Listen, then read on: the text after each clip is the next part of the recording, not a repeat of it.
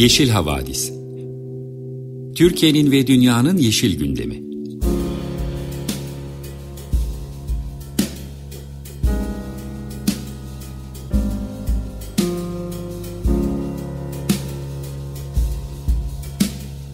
Hazırlayan ve sunanlar Selin Uğurtaş ve Arca Yılmaz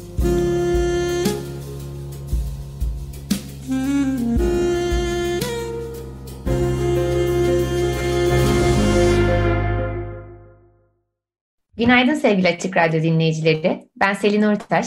Ben Arca Yılmaz. Ekolojik, politik, katılımcı ve şenlikli Yeşil Havadis programına hoş geldiniz. Yeşil Gazete ekibiyle birlikte hazırladığımız bu programda geride bıraktığımız haftaya Yeşil Gazete'nin perspektifinden bakacağız. Gündemdeki haberleri aktaracağız, işlediğimiz konularda uzmanlaşmış konukları dinleyeceğiz ve aklımıza takılan sorulara hep birlikte yanıtlar bulacağız. Sizlerle buluşmamızı mümkün kılan Açık Radyo destekçilerine de bu vesileyle teşekkür ediyoruz.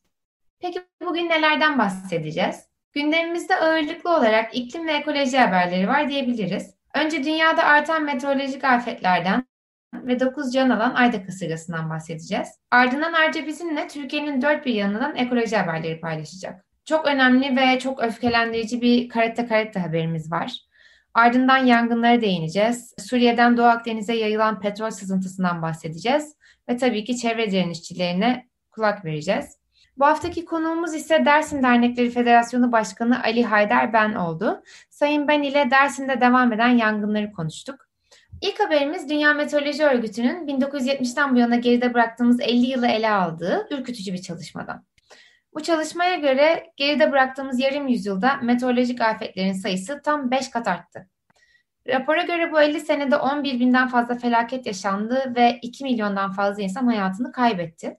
Ekonomik kayıpları ise 3 trilyon doları aştı. Fakat bu felaketlerin sonucu herkes aynı şekilde etkilemiyor. Bir başka araştırmaya göre hava felaketlerine bağlı ölümlerin %90'ından fazlası gelişmekte olan ülkelerde meydana geldi. Bu arada Dünya Meteoroloji Örgütü'nün genel sekreteri de çalışmayla ilgili yaptığı bir açıklamada iklim kriziyle birlikte bu felaketlerin daha da artacağı uyarısında bulundu. Tabii bu haftanın gündemine baktığımız zaman da bunun ne kadar yerinde bir uyarı olduğu anlaşılıyor. Bir hafta önce Louisiana'yı vurup 1 milyon kişiyi elektriksiz bıraktı biliyorsunuz Ayda kasırgası. Son olarak da New York'ta olağanüstü hal ilan edilmesine neden oldu. Şu ana kadar 9 kişi hayatını kaybetmiş durumda. Ee, aynı zamanda tabii çok ilginç gelişmeler de yaşandı bu kasırgayla ilgili. Ee, Amerika Birleşik Devletleri'ndeki Jeoloji Araştırmaları Kurumu'nun yaptığı bir açıklamaya göre kasırganın yarattığı şiddetli fırtına dalgası nedeniyle Mississippi Nehri birkaç saat boyunca normal akışının tersine akmış. Ee, böyle bir olay daha önce de görülmüş 2005 yılında Katrina sırasında ve 2012'de. Ee, dolayısıyla daha önce de görülmüş olsa da e, epey nadir rastlanan bir olay diyebiliriz. Biliyorsunuz tabii bu kasırgalar iklim kriziyle birlikte hem daha kolaylaştı hem daha yıkıcı hale geldi. Bilim insanları bunu uzun zamandır söylüyorlar. Ee, Ulusal Okyanus ve Atmosfer İdaresi tarafından yapılan ölçümlere göre de e, okyanus sıcaklığı normalin üzerindeydi e, Ayda kasırgası sırasında yaklaşık 29,5 derece olduğu söyleniyor. Ve uzmanlar bu ekstra ısının fırtına için yakıt görevi, görevi gördüğünü söylüyorlar. İklim kriziyle bir baş, ilgili bir başka raporumuz daha var size bahsetmek istediğimiz. Yine Amerika Birleşik Devletleri'nden Ulusal Okyanus ve Atmosfer İdaresi tarafından açıklandı. Buna göre evet pandemi sırasında emisyonlar %6 ile 7 arasında azaldı. Fakat aynı zamanda atmosferdeki sera gazı yoğunluğu da en yüksek seviyeye ulaştı. E, raporda 2020 yılından bazı vurucu, e, vurucu figürlerden bahsedilmiş.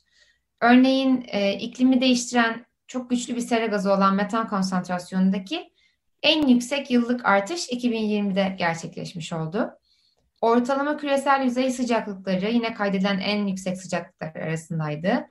Deniz seviyeleri de benzer şekilde rekor seviyeye ulaştı.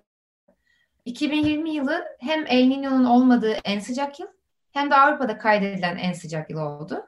Türkiye için ise kaydedilen en sıcak üçüncü yıldı. Tabii bir sürü krizden bahsediyoruz. Ardı ardına gelen e, olumsuz haberler var. Fakat içinden geçtiğimiz bu felakete rağmen iklim krizi birçok devlet tarafından hala yeterince ciddiye alınmıyor. Sırada Çin'e dair bir haberimiz var. E, Greenpeace'in yaptığı bir açıklamaya göre Çin'in bu sene kömür santrallerine verdiği onaylar %80 azalmış durumda. Yani 2021'in ilk yarısında Çin geçen seneye göre %80 daha az kömür santraline onay verdi. Fakat bu yine de 24 yeni santralin e, onay aldığı anlamına geliyor. E, biliyorsunuz Çin sera gazı emisyonlarında dünya sıralamasında ilk sırada yer alıyor. Ve devlet başkanı Xi Jinping de iki, e, karbon emisyonlarını 2030 yılına kadar en yüksek seviyeye ulaştırmayı, ardından 2060 yılında karbon nötrlüğe ulaşacağını taahhüt etmişti. E, bu taahhütler nasıl uygulanacak diye insan merak etmeden edemiyor. Bu kadar can sıkıcı ve ürpertici haberden sonra iklim bölümümüzü biraz daha olumlu bir haberle sonlandıralım istiyoruz. Cezayir'in de kurşunsuz benzin kullanımı, e, kurşunlu benzin kullanımını bırakmasıyla birlikte 1922 yılından itibaren piyasada olan bu yakıtın kullanımı nihayet tamamen sona ermiş oldu. 1970'lerde e, otomobillerin daha yüksek sıkıştırma oranlarını kullanmasına izin vererek daha güçlü performans almalarını sağlamıştı kurşunlu benzin. Fakat daha sonra e, bunun ciddi sağlık problemlerine yol açtığı ortaya çıkmıştı. Kurşun zehirlenmelerine yol açtığı ortaya çıkmıştı.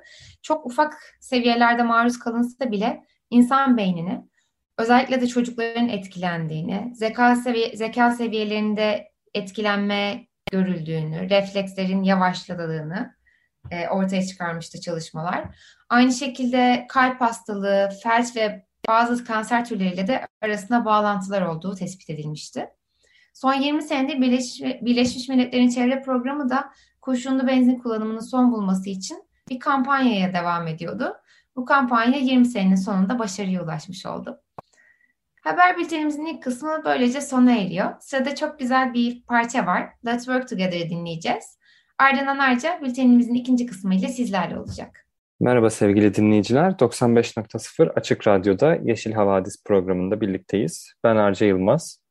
Programımızın ilk bölümünde iklim krizi odaklı haberleri Selin Uğurtaş bize aktardı. İkinci kısımda ise ben e, ekoloji haberlerini aktaracağım. Daha çok Türkiye odaklı haberler olacak bunlar. İlk haberimiz karette karettalarla alakalı. Bu hafta karette karettalarla ilgili çok trajik haberler duyduk. İki otelin koyduğu yürüme bantları yüzünden yavru karetta karettalar hayatını kaybetti. Plajlarda koyulan bu yürüme bantları ahşaptan oluyor ve yavrular e, bu ahşabı geçemeyerek yuvalarından sonra geçmeye çalıştıkları o yolda bu ahşap arasına sıkışarak can verdiler. Bu iki otelden Antalya Bebek'te bulunan otelde 62 yavru karetta karetta öldü. Ee, bu olaydan sonra otel yürüme bantlarını kaldırıp kumsaldaki diğer 78 yuvayı kafesler, kafeslerle koruma altına aldı. Ancak diğer otelde yaşanan e, durum bu kadar iç açıcı değil. Bu diğer otelde ise 71 yavru e, son anda kurtarıldı. Ve burada yürüme bantları ve şezlonglar neredeyse denize sıfır şekilde hala faaliyetlerini sürdürüyor. Yani kaldırılmış değil. Bu plajdaki e, işgal aslında devam ediyor karetta karettalar için. Ee, yani evet hani sorun burada aslında. Şezlonglar, şemsiyeler o kadar işgal etmiş durumda ki plajları. Yani sadece Antalya'daki bu e, plaj için değil pek çok yerde bu böyle. Kaplumbağalar yumurtlayacak bir alan bulamıyorlar kendilerine. Yumurtlasalar bile yavru, yavrular denize ulaşmakta güçlük çekiyorlar. Bu tepki toplayan olaylarla ilgili e, iki otel hakkında başlatılan üç ayrı soruşturma var ve e, bunlar şimdilik devam ediyor. Bu oteller ve e, işgaller yetmezmiş gibi, plajlardaki işgaller yetmezmiş gibi aslında yine Antalya'da bu sefer Manavgat'ta iki kişi plaja ATV araçlarla giriyor ve 16 yavrunun ölümüne sebep oluyor. Yani araçlarla yavruların ezilmesine sebep olmuşlar. Kendilerini durdurmak isteyen bir gönüllünün ise üzerine araç sürmüş bu iki kişi ve daha sonra olay yerinden kaçıyorlar. Ee, jandarma bir çalışma başlatmış bu iki kişinin yakalanması için. Ancak biz kayda aldığımız sürede daha yakalanmış değillerdi. Bu arada yine Akdeniz kıyılarında hem ekosistemi hem balıkçılığı, her türlü yaşamı tehdit eden başka bir olay var. Geçen hafta aslında yaşanmıştı bu olay. Suriye'nin petrol rafinelerinin birinin içindeki bir elektrik santralinde arıza meydana geldi. Arıza sonrası ise büyük bir petrol sızıntısı oldu. Bu, bu sızıntı Kıbrıs'ın Karpas kıyısına doğru ilerlemekte şu anda. E, yüzey alanı yaklaşık 1000 kilometre kare olduğu söyleniyor. Suriye Devlet Haber Ajansı SANA'ya göre ise sızıntı yapan tank 15 bin ton yakıtla doluydu. Konuyla alakalı Doğal Hayatı Koruma Vakfı yani WWF Türkiye Genel Müdürü Aslı Pasinli de e, bir çağrı yaptı. Şimdi yaşadığımız bölgede bu yıl içinde yaşanan ikinci sızıntı olduğunu belirtti ve e, petrol kirliliğinin yayılmasının önüne geçilmesi için Birleşmiş Milletler Çevre Programı Barcelona Sözleşmesi'ne taraf ülkeler arasında teknik işbirliğinin harekete geçirilmesinin acil önem taşıdığını söyledi. Barcelona Sözleşmesi Akdeniz'in deniz ortamı ve kıyı bölgesinin korunması sözleşmesi olarak da biliniyor ve bu bölgedeki ülkeler bu sözleşmeye taraf. E, taraf ülkelerin bir an önce harekete geçerek bu e, sızıntıya karşı e, önlem alınması alınması gerekliliği gerçekten elzem ve e, bir an önce yapılması gerekiyor. Yoksa e, hatırlarsınız e, Deepwater Horizon'da e, oradaki çok daha büyük bir felaketti Amerika'daki Meksika körfezindeki olay. Ama orada da bir petrol kuyusu patlamıştı. Çok uzun süre yangın devam etmişti ve çok geniş bir alana yayılan bir petrol miktarı vardı orada da çok zorlanıldı temizlenmesi için ve etkileri hala sürüyor. Yani öyle temizlendi ve bittiğini söyleye, söyleyemeyiz. Biz İstanbul'a dönelim başka bir haberle. Ee, aslında önemli bir haber var sırada. Valide Bağ biliyorsunuz İstanbul'un e, çevre e, hareketinin de e, önemli bir e, durak alanı burası. Önemli bir e, savunma alanı diyebiliriz. Çok uzun süredir burada nöbet devam ediyor ve gönüllüler Üsküdar Belediyesi'nin Valide Bağ Korusu'na müdahalelerini engellemeye çalışıyor.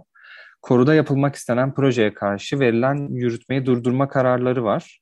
Ama buna rağmen iş makineleri yol yapımı için e, koruya girmiş durumda. Gönüllüler şimdilik bu müdahaleyi durdurdu ama e, e, bu e, müdahalenin devam edeceğinden endişeleniyorlar. Şimdi ana gündemlerden olan yangınlarla devam edelim. Yeşil, Yeşil Gazete'den Müjgan Halis, e, Muğla Çevre Platformu, MUÇEP eş sözcüsü Umay Karabaş, Gökova MUÇEP'ten İslam Akkoyunlu ve yangınlar sırasında sahada aktif çalışan aktivistlerden Hasan Cemal Beldek ile konuştu. Yangınların ilk çıktığı anda oluşan duyarlılık hemen e, her büyük faciada yaşandığı gibi aslında yangınların bitmesiyle biraz sönümlenmiş durumda. Ama buna rağmen e, şimdi yaraları doğru sarma zamanı diyor Umay Karabaş, Muçep sözcüsü.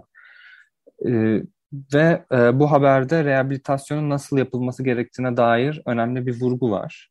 Merkezi devlet refleksi hemen TOKİ inşaatı diyor ama gönüllüler burada yapılaşmayla rehabilitasyon olmayacağının altını çiziyorlar. Atılacak her adımın bilimi dinlene, bilimin dinlenerek yapılması gerektiğini söylüyorlar. Ee, bu çok önemli gerçekten. E, çünkü yani geçen hafta da biraz işlemiştik bu konuyu. Öyle hemen e, hızlıca yapılacak her türlü müdahalenin yanlış etkiler doğurabileceği e, özellikle vurgulanıyor pek çok bilim insanı tarafından. Tabi bu bölgede önemli türler içinde ciddi habitat kayıpları oldu malum. Bunlardan ikisi yaban kedisiyle Likya semendiri. E, gönüllüler yaban kedisinin habitatının e, neredeyse tamamının yandığını söylüyor. Ama Likya semenderi için ise durum daha trajik bile olabilir. Çünkü durumu tam bilinmiyor ne yazık ki şu anda. Bu röportajın detayına yeşilgazete.org'dan da ulaşabilirsiniz ya da Yeşil Gazete'nin YouTube hesabından da bu söyleşiyi izleyebilirsiniz. Tabi biliyorsunuz yangınlar sadece batıda değil, ülkenin doğusunda da e, etkili ol, oluyor şu anda. Ama aynı şekilde reaksiyon gösterildiğini söylemek zor. Özellikle söndürme konusunda. E, havadan destek çok geç geldiğini söylüyor tanıklar. Yeterli müdahale olmadığı söyleniyor çok fazla bir şekilde. E, hatta yani neredeyse bazı bölgelerin yanarak bitmesi beklenmiş gibi olduğu vurgulanıyor. Ruşen Takva'nın haberi e, Bitlis'teki yangınlara dair. Kendisinin konuştuğu Mahmut Barin şöyle aktarmış e, Ruşen Takva'ya. Onlarca hayvan ve canlı yok oldu. Kimse bir şey yapamadı. Yangın başladığında ben 30 çalışanımla beraber yangını söndürmek için alana gittik. Yangını söndürürken ben de yanmaya başladım. Arkadaşlarım beni söndürdü. Evet yani hani insanlar canavriyle ellerinden geleni yapmaya çalışıyorlar buradaki e, gönüllü ve orada yaşayan insanlar. Bir yandan da e, Dersim Hozat'taki Fırtına Veli Çeşmesi mevkiinde başlayan yangına da yine aynı şekilde ilk olarak bölge halkı ve gönüllüler müdahale edebilmiş. Yaklaşık iki hafta önce çıktı bu yangın ve e, özel güvenlik bölgesi olduğu gerekçesiyle de e, müdahale edilmedi hızlı bir şekilde ve yayılarak devam ediyor şu anda. Hala söndürebilmiş değil, söndür, söndürülmüş değil. Ee, bu bölgedeki çalışmalara katılan doğa aktivisti Serdar Duman da e, Yeşil Gazete'ye e, son durumla ilgili açıklama yaptı. Duman alanda 150 kişilik bir ekiple çalıştıklarını söyledi. Açıklamasında bölgede çok fazla kuru ağaç olduğunu e, belirtmiş. Ayrıca rüzgarın da etkisiyle sadece kazma kürekle yangını kontrol, kontrol altına almanın çok güç olduğunu söylüyor. Ve e, Yeşil Gazete'ye aktardığı sırada iki helikopterin görev yaptığını belirtmiş. Bu yangınlarla ve özellikle bu bölgedeki yangınlarla alakalı e, Selin Dersim Dernekleri Federasyonu Başkanı Ali Haydar Ben ile kısa bir röportaj yaptı. Şimdi isterseniz onu dinleyelim ama öncesinde kısa bir şarkı arası verelim. Ahmet Arslan'dan Haykırış gelsin. Biliyorsunuz Dersim'de iki haftadır devam eden yangınlar var ve bu mesele haklı olarak çok konuşuldu.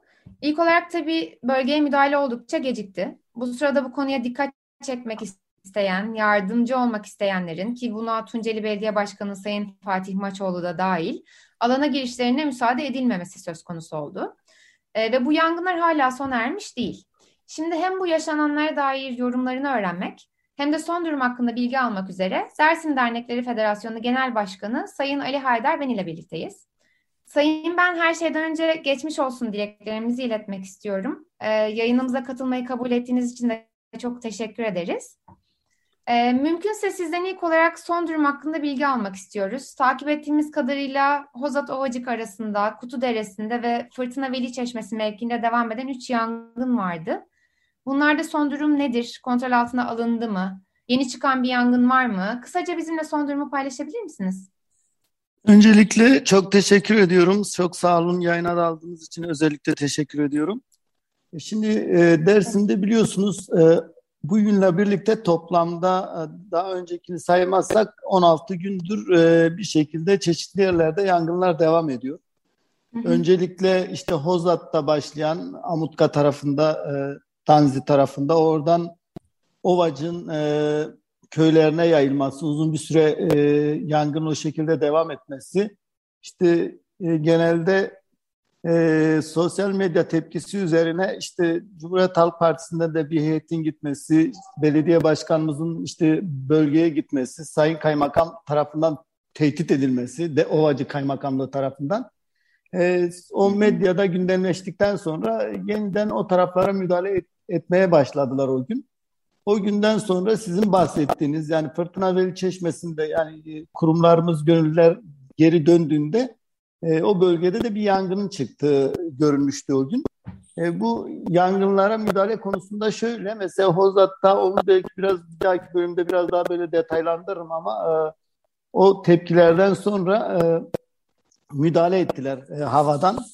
Karadan çok izin vermediler. Böyle işte parti temsilcileri diyelim daha doğrusu vekiller gitmişti, belediye başkanı gitmişti. E, o tepkilerden kaynaklı yukarıdan e, havadan bir müdahale etmişlerdi. İki helikopter e, orada müdahale etmişti. Bir de uçak. E, bir 3-4 gün sonra kız, e, geniş şeyi kontrol altına aldılar. Ama iki gün önceye kadar köylülerle görüştüğümüzde o bölgede e, yani kontrol altında ama bir yerden dumanın çıktığını ifade ettiler. Hozat tarafındaki yangında bazen şu anda yangın yok ama dönemsel olarak belli patlamaların olduğunu köylüler ifade ediyor. E, bölgede yaşayanlar. E, ora kontrol altında. E, yine bu bahsini ettiğimiz Fırtına Veli Çeşmesi'ndeki yangın e, kontrol altına alındı. Şu anda sadece soğutma çalışmaları yapıyor. Dönemsel olarak da bir denetleniyor. Hani tekrardan biliyorsunuz e, bu sonbaharda işte Dersim o bölgeler dağlık alanlar ama akşamları işte fırtına çıktığında, rüzgar olduğunda küçük kıvılcımlar kalsa da bile dahil e, o yangını körükleyebiliyor, genişletebiliyor. o yönlü soğutma çalışmaları devam ediyor orada da kontrol ediyorlar. Sık sık hani yangın e, o meseleden kaynaklı işte rüzgardan kaynaklı. Yine dün akşam e, merkezde Aktuluk Mahallesi'nde bir yangın çıktı akşam üzeri. E, bu yangına da hem gönüllüler hem belediye emekçilerimiz hem işte Akut tarafından e, müdahaleler gerçekleştirdi ve hem karadan hem havadan e, o yangın da kontrol altına alındı. Şu anda e, sadece soğutma çalışmaları devam ediyor kontrol altında. E, şeyde e, Kutu Deresi tarafında yangın vardı. Kutu Deresi, Roj Deresi o bölgelerdir. E, işte Vartinik Mezrası. Bu bölgede yangın devam ediyordu. Bugün itibariyle hem gönüllüler hem Akut hem belediye emekçileri e, oralarda da bu çalışmaları yürütüyorlar. En son yaptığım görüşmede e, yangın devam etmekle birlikte ama bir kontrol altına aldıklarını hem e, söndürmek için hayli e, girişimlerde devam ediyor çalışma girişimleri. Muhtemelen e, başkanla da yaptığımız görüşmede sadece bir bölgede daha e, yaygın devam ediyor. Oraya da Külümür'den bir grup gönüllü gittiğini, e, bu gönüllülerin de oraya müdahale ettiğini sabah Dersim'de belediyenin önünde toplanarak e, yay, yangının yaygın olduğu bölgeye e, oraya o belediyemizin ekipleri de gönüllüler de oraya sabah müdahale edecekler. Yani büyük bir oranla çoğunluğu kontrol altına almışlar şu anda. Onu ifade edeyim en azından. Çok teşekkürler Ali Haydar Bey. Ee, devam eden yangınlar arasında yerleşim yerine yakın olan e, bir tehlike arz eden e, var mıdır? E, bu Hozat tarafında özellikle köylülerden bilgi aldığınızı söylediniz. öyle bir tehdit söz konusu mu? Yani şöyle, yani düşünün ki e, Hozat'ta e, bir yerde sadece yangın çıktı, bir bölgede diyelim. İşte Tanzi tarafında yetkililer buna müdahale etmedikleri için, seyirci kaldıkları için, izledikleri için gönüllülere de izin vermedikleri için mesela o e, yangın o taraftan rüzgarın etkisiyle birlikte de e, etkisiyle birlikte mesela Ovacın işte bu Buzlu Tepe, Kakber dediğimiz işte Çamurek dediğimiz o mezralara e, üç köye bayağı yanaştı yani. Tam yerleşim alanının içi olmasa da dahil yani o köylüler e, o meseleden etkilendi yani yerleşim alanları aslında çok uzak değil yakın. Yani şunu düşünün e, yangın olduğu yerden mesele Ovacık Merkez, Çemişgezek Merkez, Hozat Merkez'e dumanlar geliyor. Mesela Ovacık'tan e, insanlar çekim yaparken, fotoğraflarken sanki Ovacık'ın mesele işte Karadere tarafı dediğimiz yerde orman yangını devam ediyor. Yani normalde yerleşme alanlarına e, diyelim ki il, e, ilçe merkezlerine uzak olmasına rağmen ilçe merkezleri mesela oradaki arkadaşlarımız, oradaki dernek üyelerimiz, oradaki halk mesela şunu söylüyordu. Biz bile dahil Ovacık içerisinde bazen e, göz gözü görmüyor yani zorlanıyoruz e, uzağa görmek için. E, Ali Haydar Bey, e, bu müdahalenin gecikmesi konusuna tabii e, değinmeden olmaz bu olayda. Hem bu gecikmeleri siz nasıl yorumluyorsunuz hem de e, bu yerleşim yerlerine yakın yangınlar da söz konusuyken e, halkın moralini nasıl etkileyen, nasıl bir psikolojiye iten bir durum söz konusu oldu? Bize biraz bu süreci anlatabilir misiniz? Yani şöyle söyleyeyim, şöyle ifade edeyim. Öncelikle bizim coğrafyamızda e, bu yangınlar gelenekselleşmiş. Mesela 90'lı yıllardan beri coğrafyamızda geleneksel olarak e, sürekli orman yangınları devam ediyor. İşte 90'lı yıllarda mesela yine bir insansızlaştırma siyaseti vardı. Köylerden göç, göç ettirme siyaseti vardı. O dönemde hem ormanlarımız yakılıyordu hem de e, köylerimiz yakılıyordu. Ve inanın ki insanlar eşyalarını çıkarmadan yakıyordular. İşte davarını dışarı bırakmadan yakıyordular. E, bu böyle o yıldan o yıllardan bu yana e, devam ediyor. Mesela işte son e, kaç yıldır mesela ben e, son 2017'de, 16'da, 18'de, 19'da, 20'de mesela defalarca orman söndürme çalışmalarına katıldım. Ee, bu böyle gelenekselleşmiş. Sürekli de aynı siyaset izleniyor. Mesela sürekli aynı şey söyleniyor. Ee, örtü altı, örtü üstü yangındır. İşte hani orada bir yangın yok ya da kontrol altına almışız gibi açıklamalar yapılıyor genelde yetkililer tarafından. Ee, bu doğru değil. Ee, Hozat'ta da bundan önceki süreçte çıkan yangında Yine e, Dersim'deki kurumlarımızla birlikte, belediyelerle birlikte mesela müdahale etmeye gittiğimizde yolumuz kesilmişti hatırlarsanız. E, takip takip etmişsinizdir muhtemelen. Yine orada bize izin verilmedi.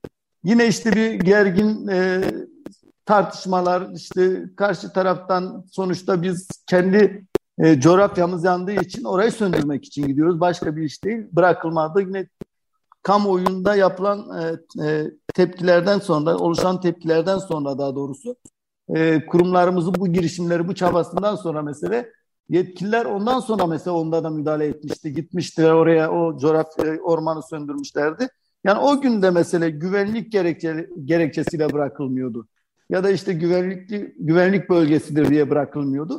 Sonuç itibariyle e, e, o meselede de bu diğer yangında da benzer şeyle karşılaştık. Yani ilk iki gün, üç gün e, hiç e, çok böyle e, müdahale etmediler. E, ama gelinen aşamada aslında meselenin sadece güvenlik sorunu olmadığını hepimiz e, gördük. Yani şöyle gördük.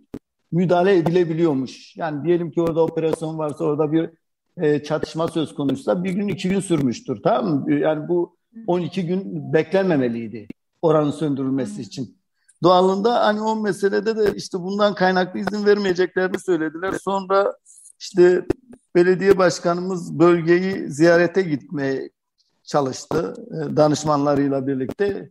Yani en azından orada ne var ne yok köylülerle o köylülerle konuşmaya gittiğinde e, Ovacık Kaymakamlığı tarafından yani daha doğrusu önce e, askeri tarafından karakol tarafından durduruluyor e, hani gönderilmiyor Sonra işte izin verilirse valilik tarafından size izin vereceğiz. Sonra işte Ovacı Kaymakamı geliyor. Birlikte gideceğiz. Yetkililer tarafından öyle ifade ediliyor. Sonra belediye başkanımız orada hani bir tehdide maruz kalıyor. İşte gerekirse kaymakamlığı bırakırım sana sorun olurum falan gibi. Yani bir e, belediye başkanımız halk tarafından seçilmiş bir belediye başkanı böyle tehdit edilmemeli. Ama maalesef zaten biz bunların yabancısı değiliz biliyorsun. Bu ülkede siyasi partiler, milletvekilleri, belediye başkanları kayyum atlanıyor, tutuklanıyor, hapishanede yıllarca yatıyor.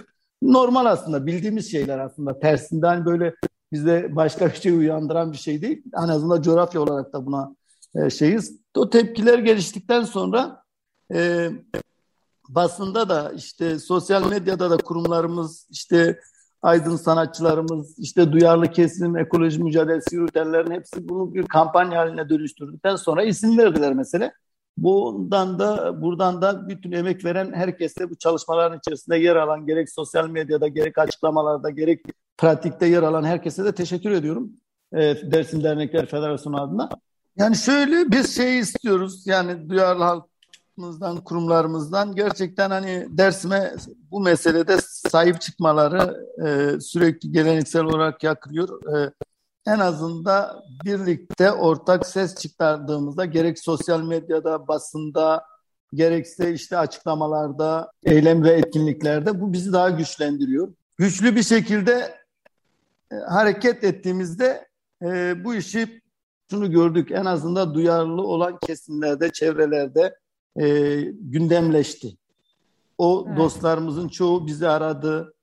Bizler de hani gelip yardım etmek istiyoruz, söndürmeye dahil olmak istiyoruz, kamuoyu oluşturalım hep birlikte e, gibi birçok şeylerle sürekli arandık, sürekli işte diyalog, koordinasyon halindeydik.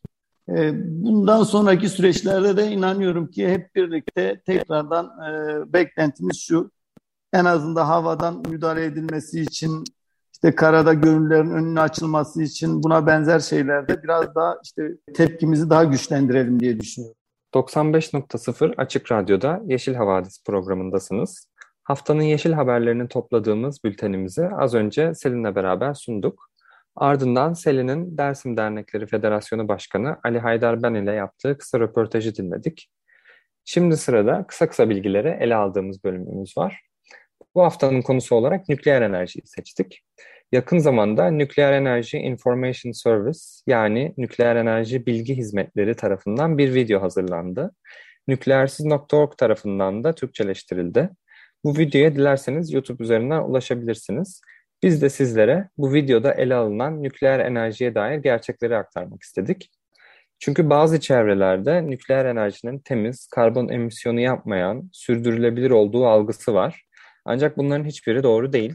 Nükleerin nasıl bir enerji olduğunu detaylarıyla incelemek istiyoruz o yüzden bu bölümde.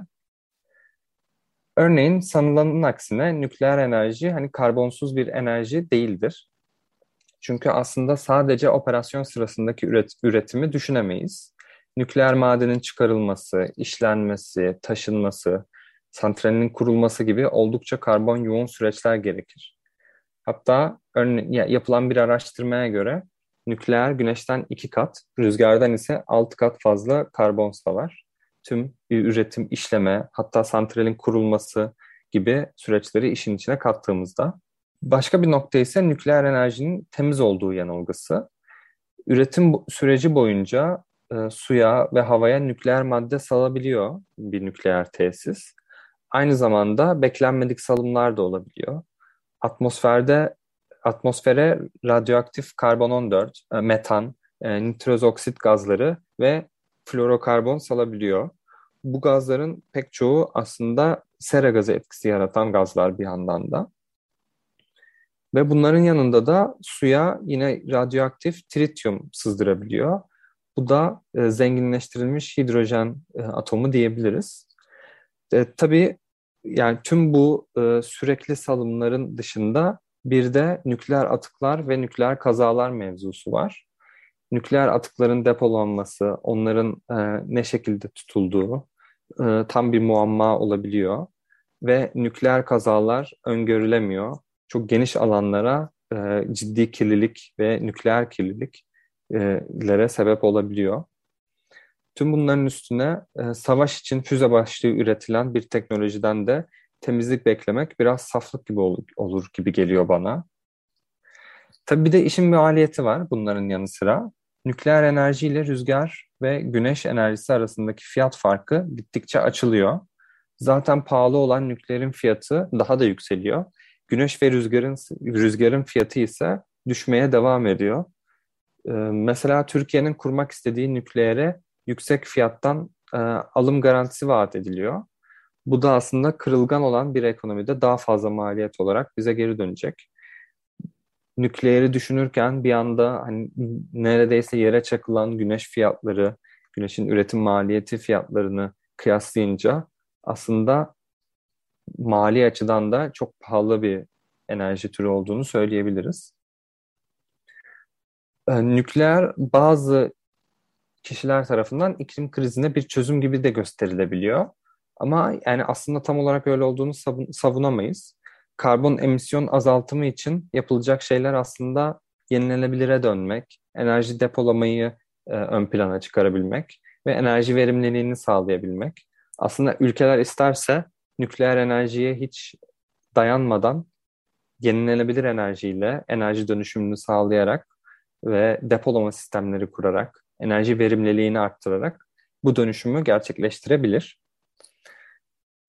Peki hadi bu alternatiflere kulak asmadınız ve nükleer santral kurmak istiyorsunuz. Şu an karar verseniz ne zaman kurabilirsiniz? Bu da önemli bir soru. Bunun cevabı da aslında nükleer severler açısından çok iç açıcı değil. Çünkü bir nükleerin kurulması ortalama 10 ile 20 yıl arasında sürebiliyor. Ve bunu yine güneş ve rüzgarla kıyasladığımızda yani fark çok açık. Güneş ve rüzgarda bu süre yaklaşık 2 ila 5 sene arasında.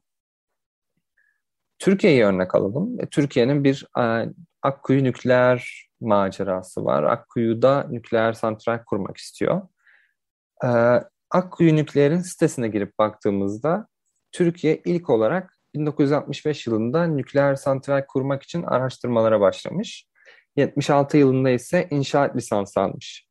Yani tüm sürece baktığımızda neredeyse 50 yıllık bir süreç ve inşa inşaat aşamasına çok geç geçilmiş bir proje ve e, pek çok kişi de pek çok uzman da inşaat yapılsa bile işletmeye alınamayacağını savunuyor. İklim krizi içindeyiz. Acil eyleme, eyleme geçmemiz gereken bu dönem bir dönem içindeyiz ve bu vaktimizi gerçekten yeni nükleer santraller kurarak harcamak mı istiyoruz? Ya aslında bu önemli bir soru. Yani bu sorunun cevabı biraz bariz gibi sanki. Ee, devam edelim. Peki nükleer enerji iklim değişikliği şartlarında güvenilir mi? Bu da önemli bir soru. Çünkü diyelim ki kurdunuz, bu nükleer santrali nasıl çalıştıracaksınız? Ne gibi şartlarda çalıştıracaksınız? Ee, nükleer savunucuları tarafından sürekli enerji ihtiyacını karşılamak için gerekli olduğu vurgulanıyor bu. Yani sürekli enerji ihtiyacından kastım da kesintisiz. Ancak e, nükleer santral gibi büyük işletmeler aşırı iklim olaylarına da hazır değiller. Üreticiler bu santralleri sellerde, kuraklıklarda kapatmak durumunda kalıyor. Çünkü e, hani Fukushima'yı düşünün bir deprem anında öngörüldüğü söylenen ama öngörülememiş olan bir tsunami'nin e, etkisiyle e, santralde hani ciddi bir sızıntı oldu ve etkisi hala devam ediyor. Tabi bunları sayarken aslında aklımızın bir yanından da nükleer enerjinin güvenli olup olmadığı sorusu sürekli geliyor. Ya yani bunun cevabı aslında nükleerin tehlikeli bir teknoloji olduğu, atıkların depolanması bir sorun, reaktörlerin güvenliği ve sürekliliği bir sorun. Ee, az önce bahsettiğim afetlerde ya da Çernobil gibi insan hatalarının olduğu zamanlarda patlama, erime çok mümkün ve bu durumlar çok riskli. Yani çevre hem çevre sağlığı hem insan sağlığı için ıı, öngörülemez sonuçlar ve çok geniş alanları etkileyebilecek yıkımlara sebep olabiliyor. Bir de bunların bir yanı da e, nükleer reaktörlerin operasyon sırasında çok miktarda su kullanması gerçeği var. E, yapılan bir araştırmaya göre e, günde 5 milyar litreye kadar su tüketebiliyor. E, ya düşündüğümüzde eğer bir deniz kenarından denizi soğutma suyu olarak kullanıyorsa o bölgenin deniz suyunun ısınmasına sebep oluyor. Ya da yeraltı sularını kullanıyorsa çok hızlı bir şekilde susuzluğun, kuraklığın olduğu bir e, zamanda aşırı aşırı su tüketimiyle ciddi bir soruna sadece nükleerin e, tesisin kendisi sebep olabilir. E, ya, o açıdan nükleeri gerçekten net bir şekilde irdelememiz ve tüm bu tüm bu etkileri, tüm bu faktörleri doğru bir şekilde ele almamız gerekir. Nükleere dair bu paylaşımları yaptığımız video konuşmamın başında da belirttiğim gibi nükleer enerji bilgi hizmetleri Nuclear Energy Information Service tarafından hazırlanmış. Daha detaylı anlatım için nükleersiz.org'un YouTube kanalından Türkçe altyazılı olarak bu videoyu izleyebilirsiniz. Videonun haberine ve konuyla alakalı nükleersiz.org editörü ve Yeşil Gazete Nükleer Editörü Pınar Demircan'la yapılan kısa söyleşiye de e, Yeşil Gazete Org'da e, ulaşabilirsiniz. Şimdi madem bu kadar nükleerden bahsettik, konu tabii ister istemez 1969 yılına savaş karşıtı harekete bağlamak gerekir diye düşündük. O yüzden e, şimdiki şarkımız John Lennon ve Yoko Ono'dan gelsin diyoruz. Give Peace a Chance. Tekrar merhaba. 95.0 Açık Radyo'da Yeşil Havadisi dinliyorsunuz. Ben Selin. Sırada kısa kısa bahsedeceğimiz küçük haberlerimiz var. Yaz aylarını nihayet ardımızda bıraktık ve sonbahara geldik. Peki Eylül'de hormon takviyelerinden, pestisitlerden sakınmak isteyen bizlerin hangi sebze ve meyveleri tüketmesi güvenli olur? Yeşil Düşünce Derneği her ay olduğu gibi bu ayda iç rahatlığıyla tüketebileceğimiz leziz sebze ve meyveleri içeren bir liste hazırladı. Bu ayın ne kadar bereketli olduğu bu listenin uzunluğundan da belli. Ee, şimdi e, rahatlıkla tüketebileceğiniz besinleri sayıyorum. Mantar, patlıcan, mısır, biberiye, kırmızı biber, dolmalık biber, fındık, kabak, pazı, barbunya, karpuz, üzüm, incir, mürdüm eriği ve kavun afiyetle tüketebileceğiniz besinler arasında. Ee, biraz hızlı saymış olabilirim, yavaş olmaya çalıştım ama listeyi görmek isterseniz Yeşil Gazete'den e, tamamını inceleyebilirsiniz. Yeşiller Partisi'nin eş başkanlarının bakan olarak atanmasıyla birlikte Yeşiller hem İskoçya'da hem de Birleşik Krallık tarihinde ilk kez hükümete girmiş oldu. E, bu sonuca sebebiyet veren iktidardaki İskoç Ulusal Partisi ile İskoç Yeşilleri arasında Ağustos ayı başlarında yapılan bir anlaşma. Bu anlaşmayla birlikte iktidar partisi çoğunluğu elde etmiş oldu. Yeşiller Partisi ise e, karbon emisyonlarını azaltma, kira kontrolü gibi önem verdiği alanlarda söz sahibi olmuş oldu. Peki İskoçya'da bu güzel gelişmeler olurken Türkiye'de durum ne derseniz? Türkiye'de Yeşiller Partisi'nin kuruluşu neredeyse bir senedir engelleniyor. Çünkü İçişleri Bakanlığı hala teslim aldığı belgeler için alındı belgesini vermiyor. İşin tuhafı e, biliyorsunuz yakın zamanda Ümit Özdağ İyi Parti'den istifa edip Zafer Partisi'ni kurmak için yola çıktı. Şimdi bu Yeşiller Partisi'ne 11 aydır verilmeyen alındı belgesi Ümit Özdağ başvuru belgesini teslim ettiği gün veriliyor. E, şimdi yoğun bir gündemin ardından Yeşil Vadisi'nin sonuna yaklaşıyoruz. Programımızı kapatmadan bu hafta kaybettiğimiz değerli isimleri de anmak istiyoruz. İlk olarak usta oyuncu, orta oyuncuların kurucusu Ferhan Şensoy'u kaybettik. Türk sanat müziği sanatçısı İnci Çayırlı hayata veda etti. Ee, aynı zamanda Türkiye ile Yunanistan arasında dostane ilişkiler kurulması için emek vermiş besteci, söz yazarı ve siyasetçi Mikis Theodorakis de hayata veda etti. Bu tatsız, üzücü haberlerden sonra küçük bir selam vermek istiyoruz yine. Geçen hafta yaptığımız gibi. Ee, biliyorsunuz A Milli Kadın Voleybol takımımız Avrupa Şampiyonası'nda yarı finale yükseldi. Ee, bu yaz boyunca bizi sürekli heyecanlandırdılar, mutlandırdılar, gurur, gururlandırdılar. Ee, dolayısıyla kendilerine selam göndermek istiyoruz. Biz bu kaydı yaparken yarı final karşılaşması henüz yapılmamıştı. Dolayısıyla nasıl sonuçlandığını bilmiyoruz fakat sonuçtan bağımsız olarak takımın tüm oyuncularını tek tek kutluyoruz. İyi ki varsınız. Ee, bu zor günlerde hepimize umut oluyorsunuz, mutluluk oluyorsunuz. Evet, böylelikle 95.0 Açık Radyo'da Yeşil Gazete'nin katkılarıyla hazırladığımız Yeşil Havadis programının da sonuna gelmiş oluyoruz. Ben Selin Uğurtaş. Ben Arca Yılmaz. Haftaya yine aynı saatte görüşmek üzere. Hoşçakalın. Hoşçakalın.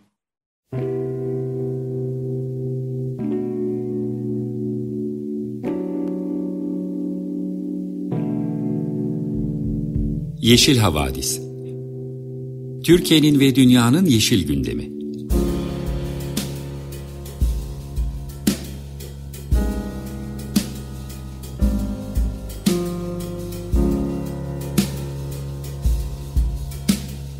Hazırlayan ve sunanlar Selin Uğurtaş ve Arca Yılmaz